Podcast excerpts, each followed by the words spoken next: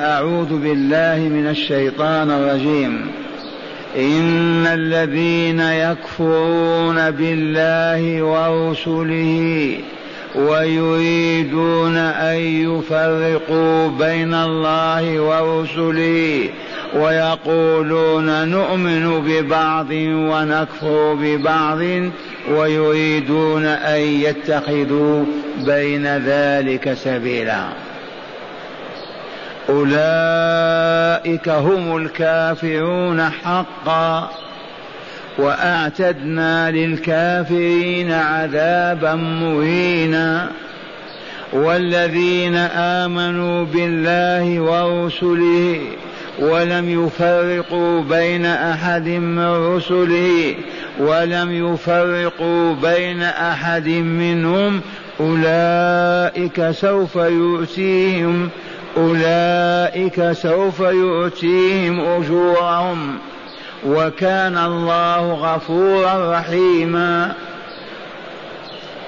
إن الذين يكفرون بالله ورسله ويريدون أن يفرقوا بين الله ورسله ويقولون نؤمن ببعض ونكفر ببعض. ويريدون أن يتخذوا بين ذلك سبيلا. أولئك هم الكافرون حقا. وأعتدنا للكافرين عذابا مهينا.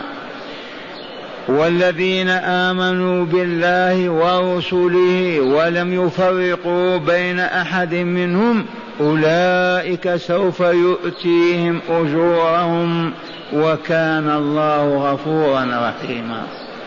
وقرئ نوتيهم أجورهم قراءتان سبعيتان. مرة ثالثة.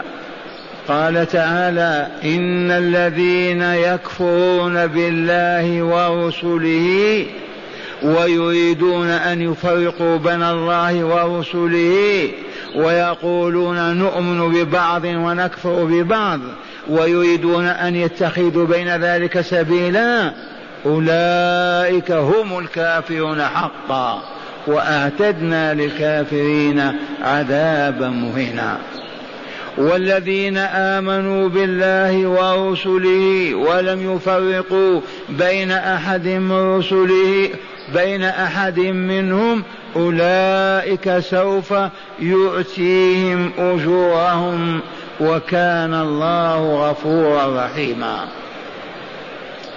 معاشر المستمعين والمستمعات من المؤمنين والمؤمنات القرآن الكريم كتاب نور وهداية.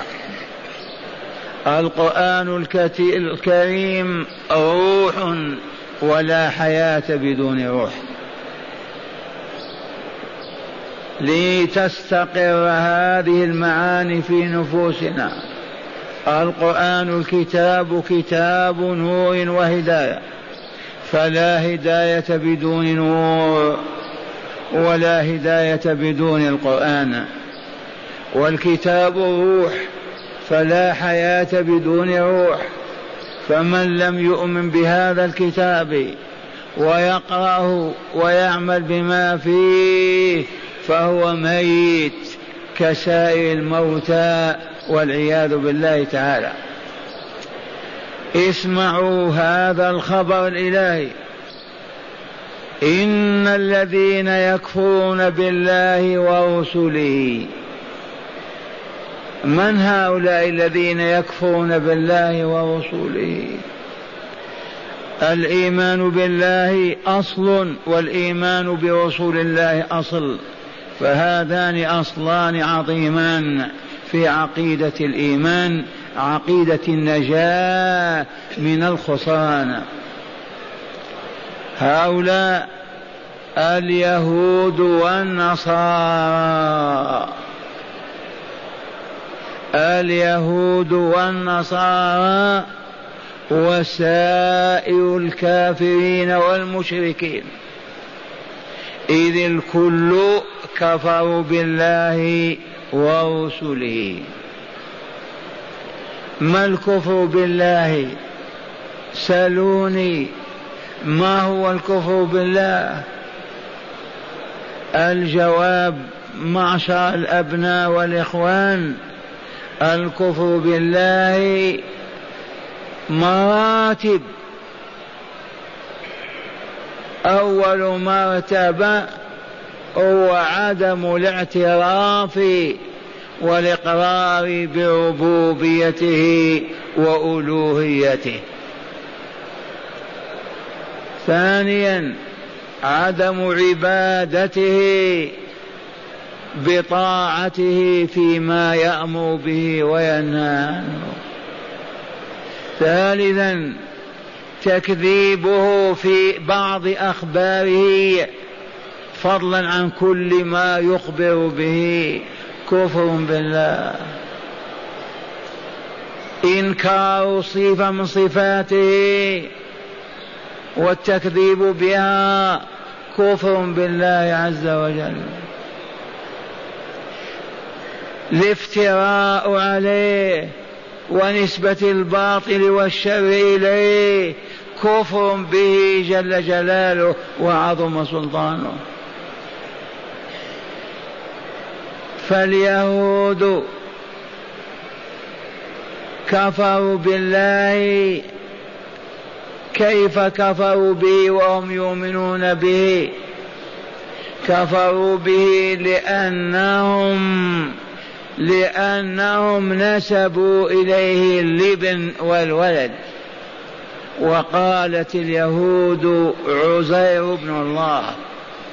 وقالت النصارى المسيح ابن الله. فنسبة الولد إلى الله تجعل الله كسائر مخلوقاته ضعيفا مفتقرا إلى الزوجة والولد. فوصف الله بهذا أعظم كفر أعظم جحود لتلك القدرة التي لا يعجزها شيء. لذلك الكمال الذي لا يوازيه كمال. لذلك العلم الذي تغلغل في كل شيء. ينسبون إليه الولد. والنصارى كاليهود نسبوا عيسى ابن مريم ونسبوا إلى الله بوصفه ولدا له.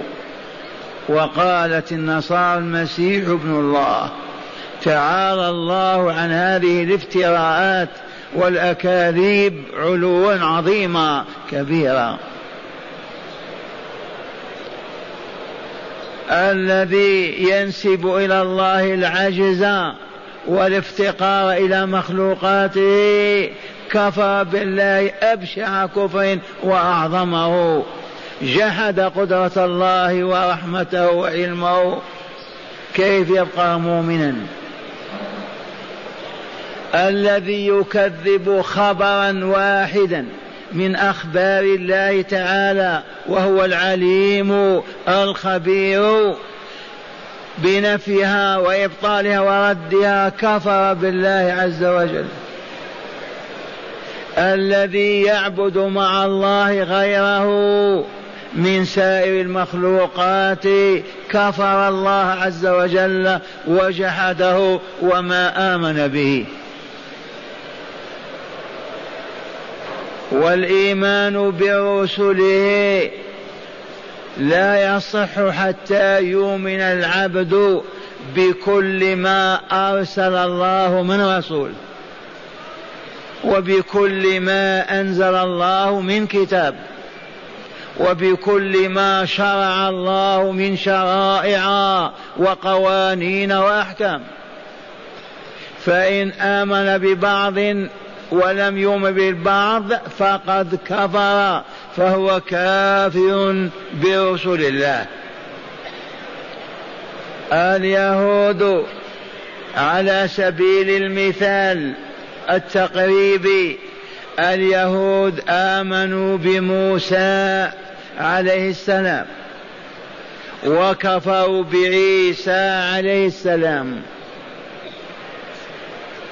آمنوا بموسى وسموا أبناءهم باسمه وموشي هو موسى وكفروا بعيسى روح الله وكلمته فقالوا ساحر ودجال واتهموا والدته بالعهر والزنا وقالوا بغي أي كفر أعظم من هذا الكفر؟ وكفروا بمحمد صلى الله عليه وسلم وهم يعرفون أنه رسول الله كما يعرفون أبناءهم. وكذبوه ورموا بعظائم المفتريات صرفا للناس عن الإيمان به. فهل ينفعهم إيمانهم بإبراهيم وابنائه من بني إسرائيل الأنبياء من إسحاق إلى إلى إلى عيسى ويكفرون بعيسى وبمحمد صلى الله عليه وسلم؟ والله ما ينفعهم ذلك الإيمان لأن الله قال إن الذين يكفرون بالله ورسله ويريدون أن يفرقوا بين الله ورسله. هذا نؤمن به وهذا لا نؤمن. كيف يرضى الله عز وجل بهذا؟ أرسل الله رسلا فيقول العبد المأمور بالإيمان أنا أؤمن بهذا الرسول ولكن لا أؤمن بذاك الرسول. لماذا؟ والجواب لا شك أنه للمصالح الدنيوية. للحفاظ على المناصب للحفاظ على الدولة للحفاظ على موارد المال للحفاظ على الرفعه والعز والشان بين إخواني ومواطني. ولو كانوا معنا لهزمناهم بكلمة واحدة. أنتم تؤمنون بقانون الدولة وإلا لا؟ تؤمنون بقانون الدولة. فالدولة إذا غيرت مسألة من قوانينها وأعلنت عن إيقاف العمل بها هل يستطيع مواطن يقول أنا أعمل بهذا لأنه كان قانونا؟ يستطيع والله ما يستطيع ويسخر منه ويستهزأ به. كان هذا صالحا ثم نسخناه لأن وجدنا غيره أنفع منه. فنمنع العمل به ونأمر بالعمل بما جاء بعده.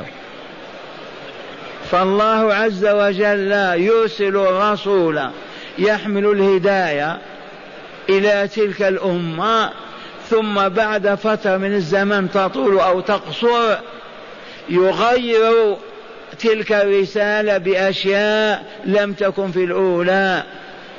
فهل يقول المؤمن أنا لا أؤمن بهذا لأنني أؤمن بما سبق؟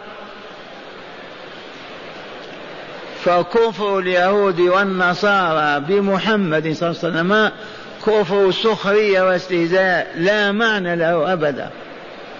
أنت تؤمن بأن الله يرسل الرسل. وختم تلك الرسالات وأولئك الرسل بمحمد صلى الله عليه وسلم. بأي عقل أو بأي ذوق أو فهم تقول يا ربي أنا لا أؤمن برسولك هذا. فهل يبقى هذا مؤمنا أو فيه إيمان؟ يرد على الله عز وجل. فهذه الآيات الكريمة ترسم الطريق طريق النجاة لمن كتب الله له النجاة.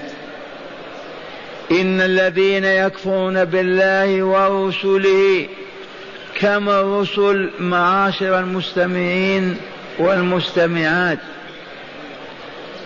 قالت العلماء الرسل ثلاثمائة وثلاثة عشر رسولا. ثلاثمائة وثلاثة عشر رسولا. على عدة قوم طالوت وعلى عدة أهل بدر. أهل بدر وقائدهم المصطفى صلى الله عليه وسلم في تلك الغزوة الكبرى وهي أول الغزوات كانوا ثلاثمائة وثلاثة عشر مؤمنا مجاهدا. عدة طالوت طالوت الذي قاتل جالوت ورجاله وانتصر عليهم وظهرت رسالة ونبوة داود يومها عددهم ثلاثمائة وثلاثة عشر بإخبار النبي صلى الله عليه وسلم. أما الأنبياء فهم مئة ألف وأربعة وعشرون ألف نبيا.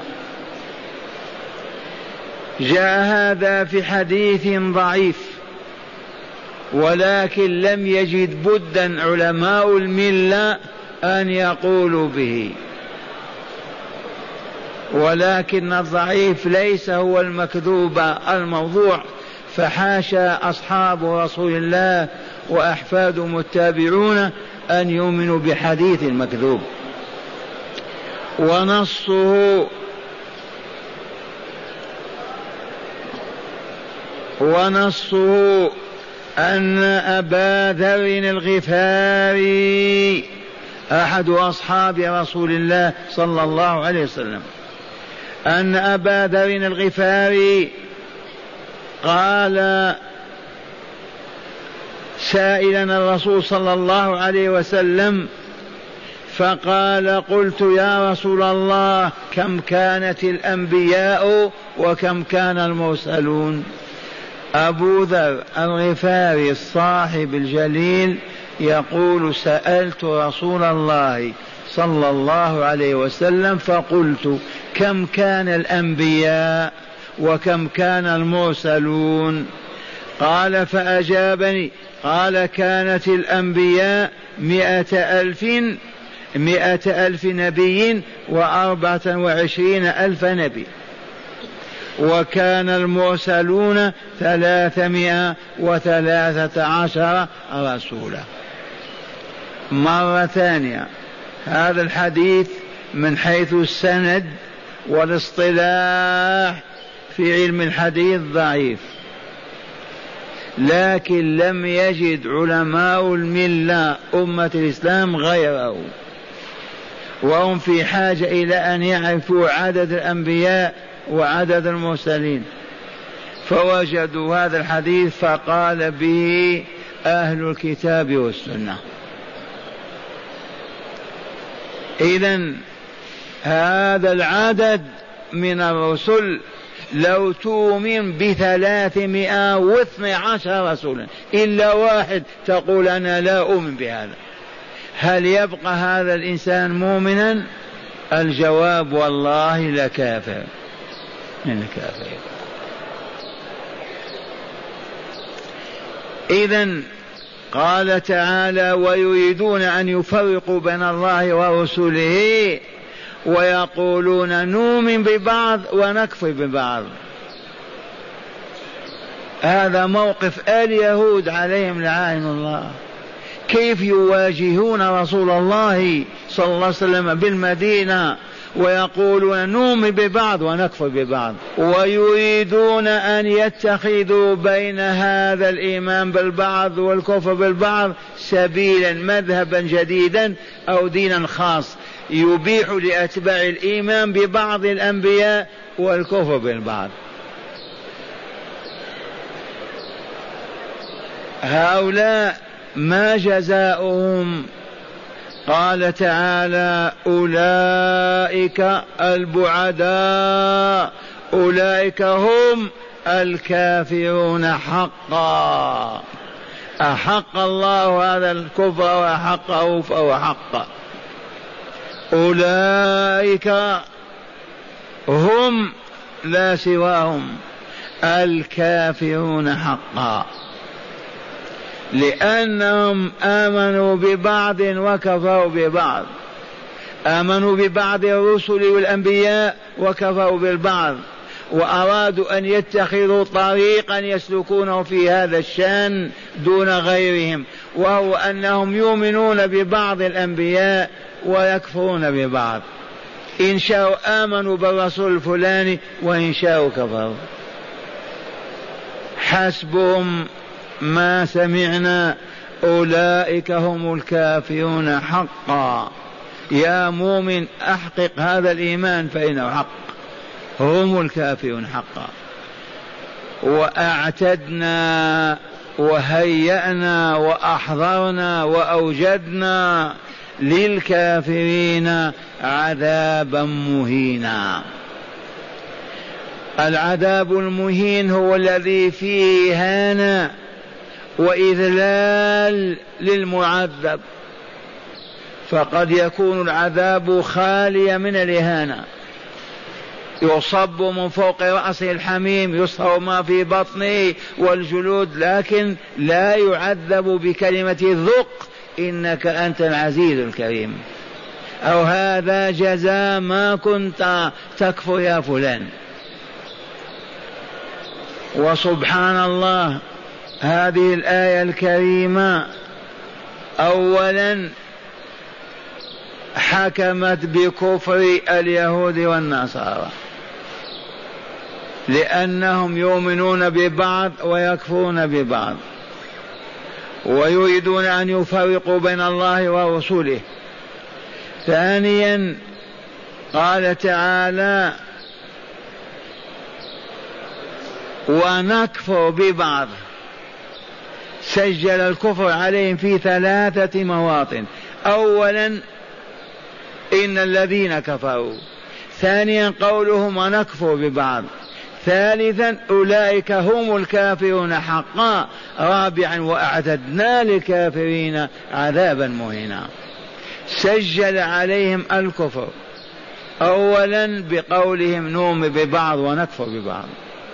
ثانيا باتخاذهم مذهبا وسطا يجيزون فيه الإيمان ببعض الرسل والكفر ببعض. ثالثا إعلان الله تعالى عن كفرهم وتقريره بقول أولئك هم الكافرون. وثالثا رابعا وأعتدنا للكافرين عذابا مهينا. لم يقل وأعتدنا لهم. السياق يقول وأعتدنا لهم عذابا مهينا. ولكن لما كان الحكم بحسب الجريمة تذكر الجريمة لتكون موعظة لمن يتعظون. وأعتدنا للكافرين عذابا مهينا. معاشر المستمعين والمستمعات من المؤمنين والمؤمنات ما سر الكفر والإيمان؟ فقط مجرد الكفر استوجبوا لعنة الله وخزيه وعذابه أو وراء ذلك شيء آخر. الجواب وتفهموا يرحمكم الله أن الإيمان وسيلة لا بد منها لتحقيق الهدف والوصول إلى الغرض. إذا آمن العبد بالله ورسوله أصبح منقادا أصبح طائعا متهيئا لأن يعبد الله عز وجل بما شرع لعباده من أنواع العبادات. وهي قولية وفعلية وقلبية عقائدية. هذه العبادات هي التي تزكي النفس البشرية وتطيبها وتطهرها. فإذا زكت النفس وطابت وطهرت أسعدها الله عز وجل اولا في هذه الحياة حيث لا خبث ولا عبث ولا ظلم ولا شر ولا فساد ولا أمراض عامة وخاصة بسبب ذلك الطهر الروحي وذاك الزكاء النفسي. ثم لما تنتهي الحياة يرفعهم تعالى إلى جواره في الملكوت الأعلى في الجنة دار السلام دار الأبرار دار المتقين. فالإيمان وسيلة. الذي ما آمن بالله ورسله أسألكم بالله يعرف كيف يعبد الله؟ وبما يعبده؟ فلا بد من الإيمان بالله ربا وإلها. وبالرسل مبلغين ومبشرين ومنذرين ومعلمين. فإذا امتلأ قلبه بالإيمان أصبح قادرا على أن يصوم ويفطر على أن يقول ويسكت على أن يقول ويمنع ويعطي. أما بدون إيمان ما هو متهيئ أبدا لأن يعبد الله عز وجل. فإذا لم يعبد الله عز وجل نفسه تبقى خبيثة منتنة عفنة هذه النفس الخبيثة العفنة المنتنة كتب الله أن صاحبها لن يدخل دار السلام. وساعة الموت كما صلينا على أخينا. صلينا على هذا الأخ. ما إن أخذ الملائكة روحه وهو على سرير موته أو على فراشه على الفور يعرجون بها إلى السماء ويستأذنون أهل السماء في الدخول إليها فيأذنون لهم ومن سماء إلى سماء إلى سدرة المنتهى إلى عرش الرحمن ثم بعد ذلك يسجل اسمها ويدون في الديوان العظيم المسمى بماذا؟ بعليين. كلا إن كتاب الأبرار لفي عليين. ثم بعد ذلك ينزلون بها الآن في القبر. ينزلون بها قبل أن تحمل وتدخل في نفسها في ذاتها دخولا خاصا وهي تنادي عجلوا عجلوا قربوني عجلوني إلى القبر. ويأتيها الملكان الكريمان منكر ونكير عليهما السلام للامتحان الأخير والفتنة الخاصة بالقبر. فيطرحان أو يطرحان ثلاثة أسئلة فقط. السؤال الأول من ربك يا عبد الله؟ فيقول ربي الله. السؤال الثاني ما دينك يا عبد الله يقول الإسلام. ثالثا ما تقول في هذا الرجل؟ محمد صلى الله عليه وسلم يقول عبد الله ورسوله صلى الله عليه وسلم. إذا فيفتحان الآن التلفاز ما ترك شيئا. يشاهد انظر إلى مقامك في الجنة وإلى مقامك في النار. لو آمن لو كفرت لكان هذا هو مقامك. آمنت هذا هو مقامك.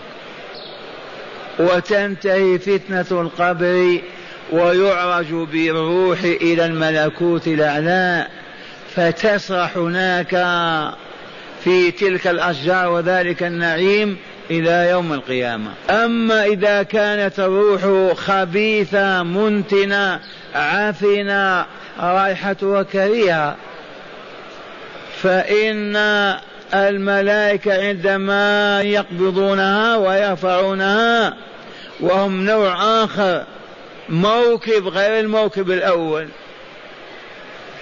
فيعرجون بها إلى السماء الأولى فيستأذنون لها فلم يؤذن لها. والله ما يؤذن لها. وتعود إلى فتنة القبر ثم يكتب اسمه في سجين في الدركات السفلى من الكون. وما أدراك ما سجين كتاب مرقوم ويل يومئذ للمكذبين. ولنقرأ لهذا قول الله تعالى إن الذين كذبوا بآياتنا واستكبروا عنها لا تفتح لهم أبواب السماء ولا يدخلون الجنة حتى يلج الجمل في سم الخياط وكذلك نجزي المجرمين. لهم من جهنم مهاد فراش ومن فوقهم غواش أي أغطية وكذلك نجزي الظالمين. فالمكذبون كيف يعبدون الله؟ وقد كذبوا الله ورسوله. والمستكبرون وإن آمنوا فالكبر منعهم أن يعبدوا الله عز وجل فبما تزكو أنفسهم فهي إذا خبيثة منتنة. المجرمون الذين صبوا أطنان الذنوب والآثام على أرواحهم فخبثت وأنتنت وتعفنت كيف تقبل في الملكوت الأعلى؟ والظالمون كذلك ظلموا أنفسهم بدل أن يزكوها ويطيبوها ويطهروها خبثوها ولوثوها وعفنوها. معشر المستمعين أبشروا أننا مقبلون على ما تسمعون. إما وإما وقد صدر حكم الله في هذه القضية. وقرأه النساء والرجال من أيام الصبا أما قال تعالى من صورة والشمس وضحاها ماذا قال؟ قد أفلح من زكاها وقد خاب من دساها. من منكم ما يعرف الفلاح ما هو؟ من منا لا يعرف الخيب ما هي؟ قد أفلح عبد زكى نفسه وخاب عبد دسى نفسه. والفلاح هو الفوز والفوز بينه تعالى لنا في كتابه بكلامه إذ قال تعالى فمن زحزح عن النار وأدخل الجنة فقد فاز. هذا هو الفوز. فمن زحزح هكذا عن النار عالم الشقاء وأدخل الجنة دار الأبرار فقد فاز. أعلنوا عن فوزه. وأما الخيبة والخسران فالله ذكر هذا في كتابه في آيتين. بيان كلف رسوله أن يبينه. قل يا رسولنا قل ماذا نقول؟ إن الخاسرين الذين خسروا أنفسهم وأهليهم يوم القيامة. ألا ذلك هو الخسران المبين. ما هو خسارتك بضاعة أو تجارة أو فقد زوجة أو ولد أو منصب أو لا لا. الخسران الحقيقي هو أن يخسر العبد أولا نفسه وأهله. والله لا يلقى في عالم الشقى الذي عالمنا هذا ما هو إلا كماذا كالبلة التي في صبعك إذا غمسته في المحيط الأطلسي. يعيش مليارات السنين لا السنين لا يعرف أبا ولا أما ولا أخا ولا أختا ولا قريبة ولا بعيدة أبدا. هذا هو الخسران ما هو فقد الشاة والبعير. قل يا رسولنا وبلغ عنا إن الخاسرين بحق الذين خسروا أنفسهم أولا وأهليهم. متى يوم القيامة؟ عرف المستمعون والمستمعات هذا الحكم الصادر عن الرب تبارك وتعالى. ما هو؟ أنا أقول يا ويحك يا عبد الله يا ويحك يا أمة الله أن تسمعي كلمة هذه وتعودين إلى بيتك وأنت ما تعرفينها. والرجل الفحل الذي يسمع هذا البيان ويسأل غدا وهل صدر حكم علينا؟ يقول ها هو لا أدري. سبحان الله. ما تدري؟ قال ما, ما سمعت في المسجد النبوي يوم زرت المسجد النبوي أن المعلم يقول قد أفلح من زكى وقد خاب من دسا سمعت ولكن ما أعطيتها بال ولا التفت إليها. هذه الكلمة يجب أن يطير بها الإنسان طيرانا ولا تفارق قلبه أبدا. وهي دائما بين عينيه تقرير مصيره هنا. آدم هنا. تقرير مصيرك. وأنت الذي تقرره.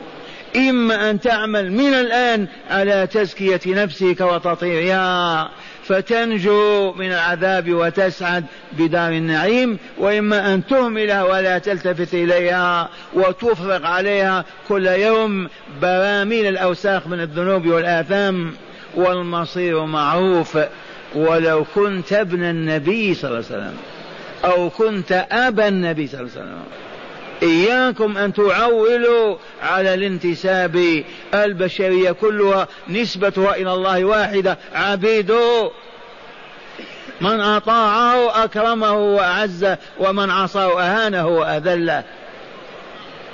ومن أراد أن يتأكد وينزع من ذهنه تلك الضلالات التي ملأوا بها قلوب الجهال وهي ماذا؟ هذا أبو النبي في الجنة. كيف يكون في النار؟ يا هؤلاء هيا نبدأ بنوح عليه السلام.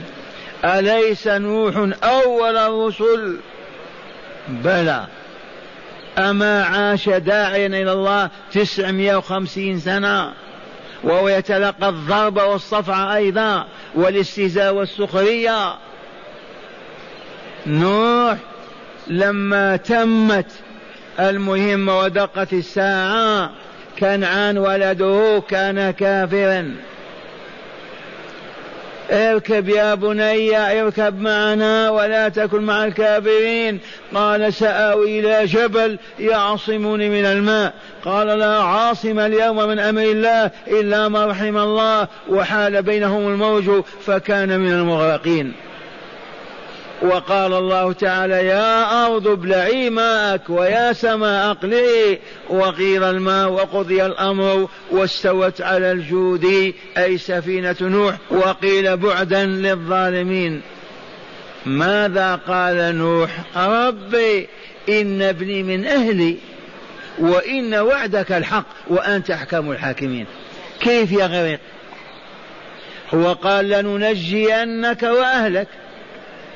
كذا ولا لا نوح قال يا رب إن ابني من أهلي.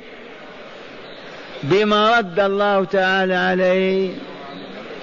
إنه عمل غير صالح.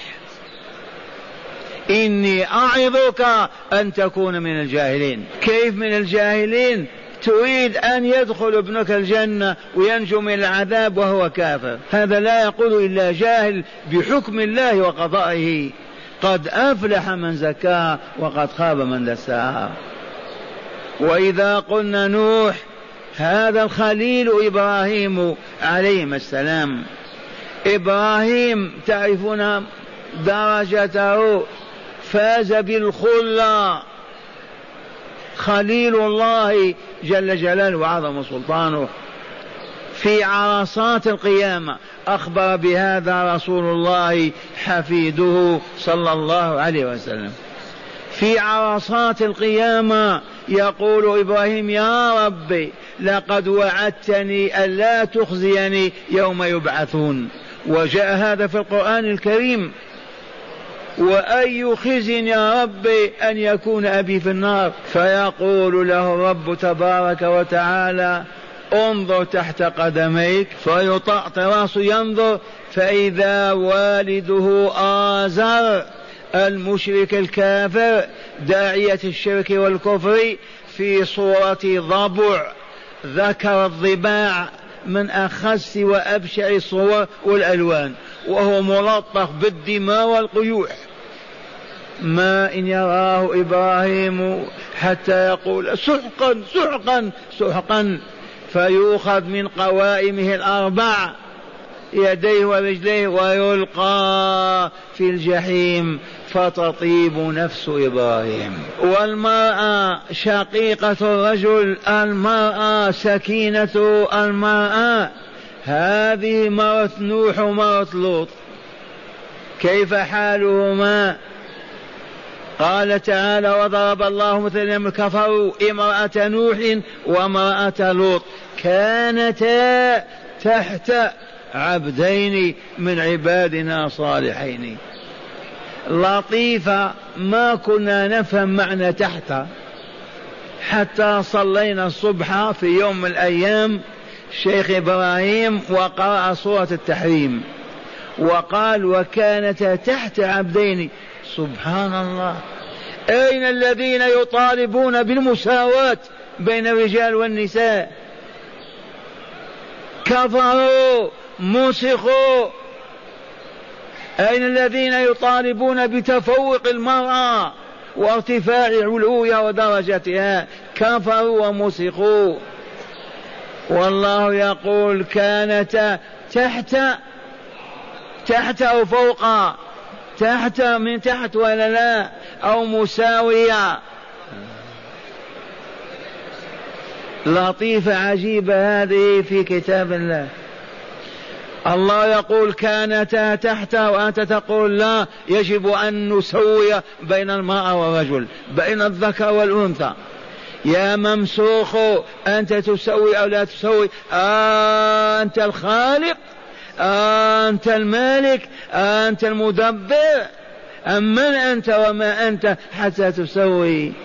الذي يسوي أو يفضل البعض على بعض الخالق المالك المدبر الذي بيده الحياة والموت. لكن يصاب الإنسان بالكفر وظلمته حتى ينسى وجوده كيف هو. كانتا تحت عبدين من عبادنا صالحين فخانتاهما. كانتا تسير الكفر وتجحد تسير الكفر وتذكر الإيمان. منافقة خائنة. فما هي النتيجة؟ فلم يغنيا عنهما من الله شيئا. وقيل ادخل النار مع الداخلين كما تسمع. اذا وامرأة فرعون الطاغيه الجبار الكافر أكبر كفر القائل ما علمت لكم من إله غيري. والقائل أنا ربكم الأعلى. امرأته تدخل الجنة وهو يدخل النار.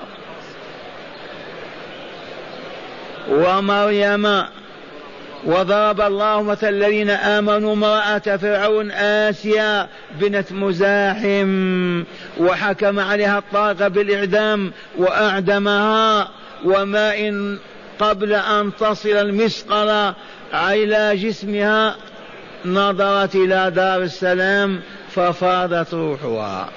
فلم تألم لتلك الضرب بالسيف أدنى ألم. وضرب الله مثل الذين آمنوا امرأة فرعون إذ قالت رب ابن لي عندك بيتا في الجنة. يا رب ابن لي عندك بيتا في الجنة.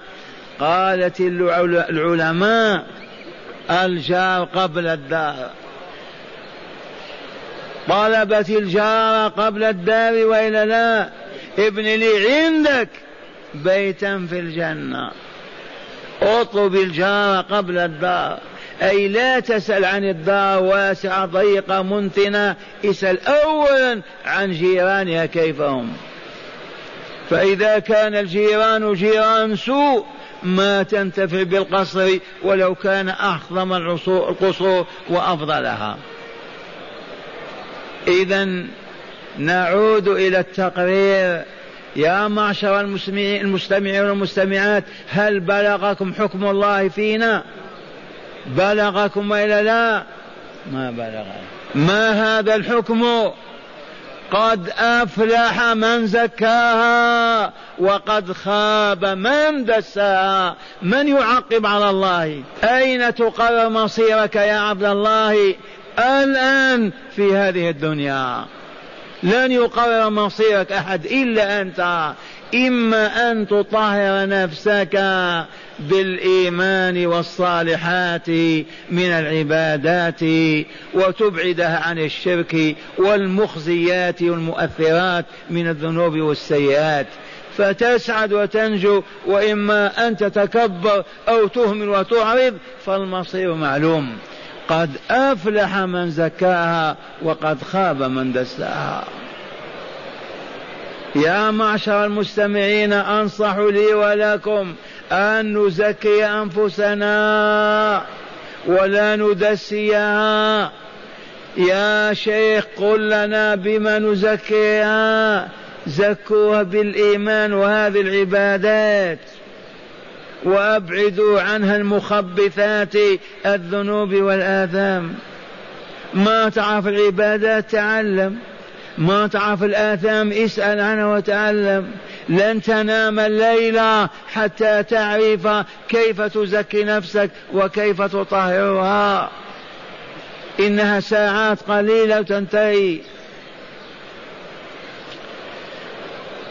الصنف الأول اليهود والنصارى في الآيتين السابقتين والآية الأخيرة والذين آمنوا بالله ورسله كم الرسل كل الرسل ثلاثمائة وثلاثة عشر. ولم يفرقوا بين أحد من رسله. آمنا بعيسى وموسى وأنبياء بني إسرائيل ورسل الله أجمعين ولا نقول لا نؤمن بذاك فلان لأنه كذا وكذا. ولم يفرقوا بين أحد منهم أولئك الشرفاء أهل المنازل العالية سوف يؤتيهم أجورهم. من الذي يؤتيهم أجورهم؟ الله الذي آمنوا به وبرسله. يعطيهم أجورهم. كم هذه الأجور؟ ما قال كأولئك أعتدنا للكافرين عذابا مهينا. قال يعطيهم أجورهم بحسب أعمالهم كثرة وقلة. تبهتم لأن هنا فقط إيمان بالله ورسله. ووراء ذلك عمل صالح وإلا لا أعمال صالحة. تعظم وتقل وإلا لا منا من يحج سبعين سنة ومنا من حج حجة واحدة. يتساويان ما يتساويان. منا من يتصدق بدرهم ومن يتصدق بألف درهم. فالأجور يعطيهم إياها ولكن بحسبها قلة وكثرة أولئك سوف يؤتيهم أجورهم وكان الله غفورا رحيما. هذه اللطيفة هنا غفورا رحيما. اسمعوا.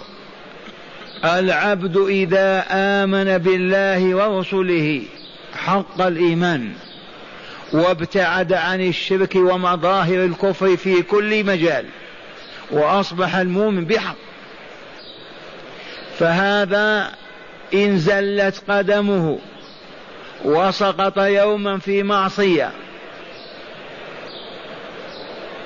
فالله عز وجل بوصفه الغفور الرحيم قد يغفر له زلته ويرحمه. لأن الأصل هو الإيمان بالله ورسوله.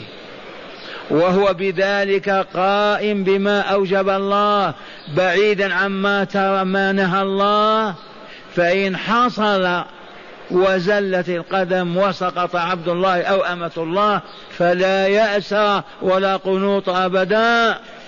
فالمؤمنون بحق وإن دخلوا النار وعذبوا فيها حقبا أو حقابا فإن مصيرهم الأخير إلى دار السلام. وذلك لأن الله غفور رحيم. إذا لو كان كل من أذنب ذنبا لا يغفر له ويدخل النار. ما يظهر وصف الله بأنه غفور؟ كيف نعرف أن الله غفور إذا لم يغفر؟ كيف نعرف أن الله رحيم إذا ما يرحم هذا المعذب؟ إذا الذين يرحمون أهل العذاب. إذا فالآيتان أو الآيات في بيان كفر اليهود والنصارى وضلالهم وأن مصيرهم العذاب المهين وبيان إيمان المؤمنين بالله ورسله وأن الله سوف يؤتيهم أجورهم ولا ينقص من أعمالهم عملا بل يثيبهم على الحسنة بعشر أمثالها إلى أضعاف مضاعفة. ومن زلت قدمه وارتكب جريمة وقد عاش ستين سنة يعبد الله ثم زلت قدمه فعصى الله يواخذ بالعذاب الأبدي لا حاشا لله عز وجل. وكان الله غفورا رحيما. إذا الإيمان الصحيح والعمل الصالح هما سبيل النجاة من الخلود والبقاء في النار أو دخول النار أولا ثم الاستقرار الدائم الأبدي في الجنة دار السلام. الكفر والشرك والعياذ بالله لا نجاة لصاحبهما بحال من الأحوال. هذا قضاء الله وحكمه. واقرأوا دائما قد أفلح من زكاها وقد خاب من دساها. بما نزكي نفوسنا بالإيمان والعمل الصالح. وجاء الإسلام بهذا في كتابه وعلى لسان رسوله.